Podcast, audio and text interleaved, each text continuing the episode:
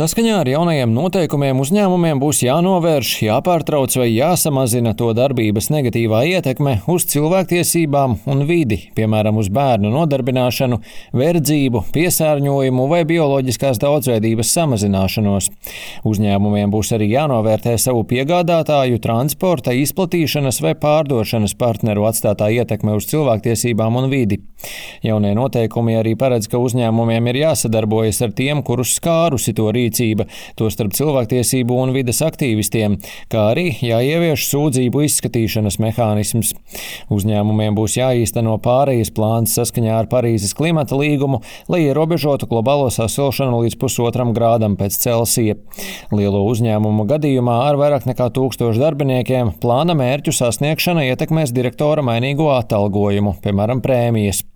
Jaunie noteikumi attieksies uz Eiropas Savienībā reģistrētiem uzņēmumiem, kuros strādā vairāk nekā 250 darbinieku un kuru apgrozījums pārsniedz 40 miljonus eiro.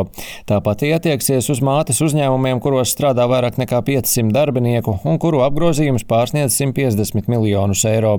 Taču tiks iekļauti arī uzņēmumi ārpus bloka, kuru apgrozījums pārsniedz 150 miljonus eiro, ja vismaz 40 miljoni eiro ir iegūti Eiropas Savienībā. Uzņēmumi, kas neievēros noteikumus, būs atbildīgi par zaudējumu atlīdzināšanu, un valsts uzraudzības iestādes tiem var piemērot soda sankcijas. Šīs sankcijas ietver piemēram tādus pasākumus kā noteikumus pārkāpušā uzņēmuma publiska nosaukuma atklāšana, uzņēmuma preču izņemšana no tirgus vai naudas soda piemērošana vismaz 5% apmērā no to globālā apgrozījuma. Savukārt uzņēmumiem ārpus Eiropas Savienības, kas neievēros noteikumus, tiks aizliegts piedalīties publiskajos iepirkumos Eiropas Savienībā. Kā būtiskus jaunos noteikumus raksturoja Eiropas Savienības tiesiskuma komisārs Didier Reinders. Šie tiesību akti var būtiski ietekmēt to, kā uzņēmumi darbojas visā pasaulē.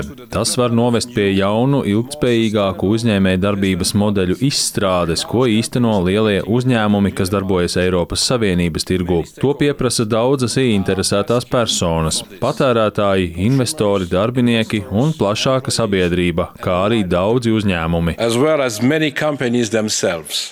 Kā preses konferencē skaidroja ziņotāja no sociāldemokrātu grupas Lara Voltera, korporatīvās atbildības likumam ir jānodrošina, ka nākotnē ir uzņēmumos, kas veselīgi izturas pret cilvēkiem un vidi, nevis uzņēmumiem, kas ir izveidojuši ieņēmumu modeli, kas atkarīgs no kaitējuma videi un eksploatācijas.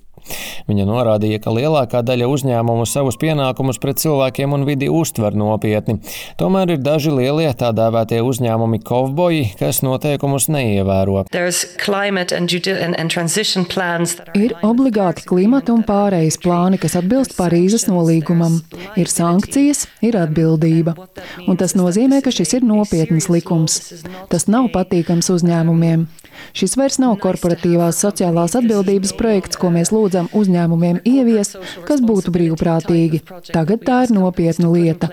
Un es esmu ļoti gandarīta, ka mēs esam tikuši pāri šai robežai.